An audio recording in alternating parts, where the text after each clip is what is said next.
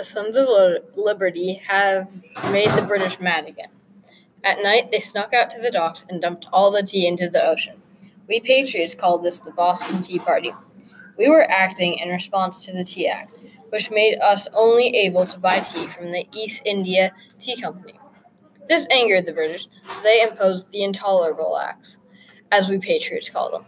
The Intolerable Acts, these acts closed the Boston ports, made the General Assembly close, and all the British sol- soldiers accused of anything would be sent back to Britain for their trial. This is all Britain's fault. They imposed the Tea Act of 1773. They made us mad, so we protested. I heard this straight from the mouth of a son of liberty. I think that we were right to protest. In this way, in this way, it was unfair the Tea Act. We deserved our rights. I'll probably have some spying to do in the future. George Washington is going to need some information.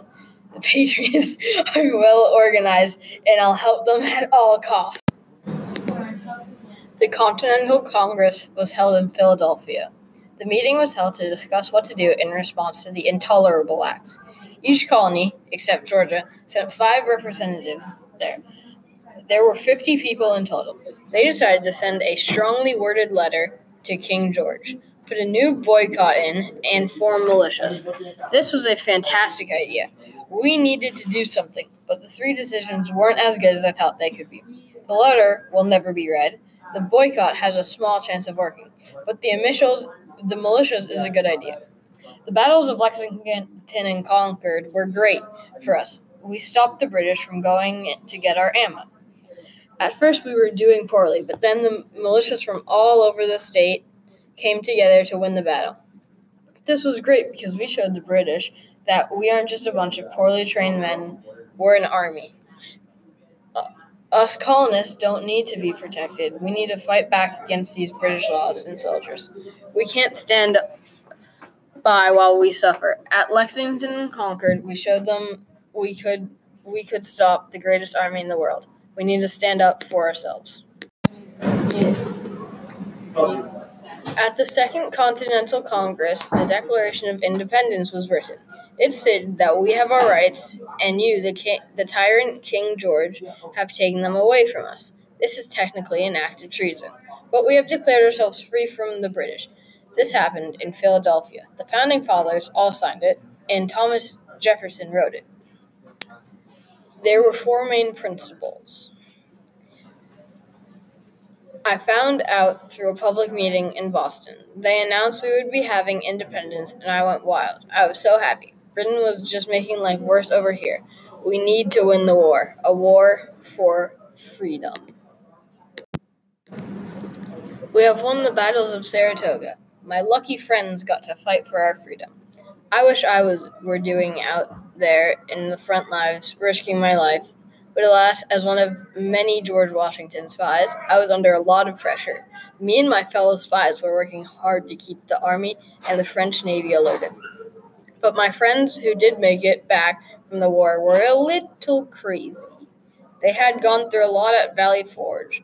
Valley at Valley Forge, food was scarce and the conditions were horrible. There were ten soldiers crammed into these little tents. Then things really went bad. Smallpox broke out. Many died, including my friend John Pox. I also heard that to win the battle, we charged their forts. There were bullets everywhere, cannons were firing, but we powered forward. Eventually, they made it and captured the rest of the British troops. These battles happened 17 days apart. The first battle was at Freeman's Farm on September 19, 1777, and the second battle was at at Bemis Heights on October 7th, 1777. At the first battle, both sides had big losses, but the colonies did come out on top. And at Bemis Heights, we overpowered them and made them surrender. The battle was key because of it they surrendered and we won. The French have decided to join us in our naval fleet. We are unstoppable. We have won the Battle of Yorktown in September of 1781. This caused the British to surrender. We had won finally. No more unfair taxes or laws. They signed the Treaty of Paris.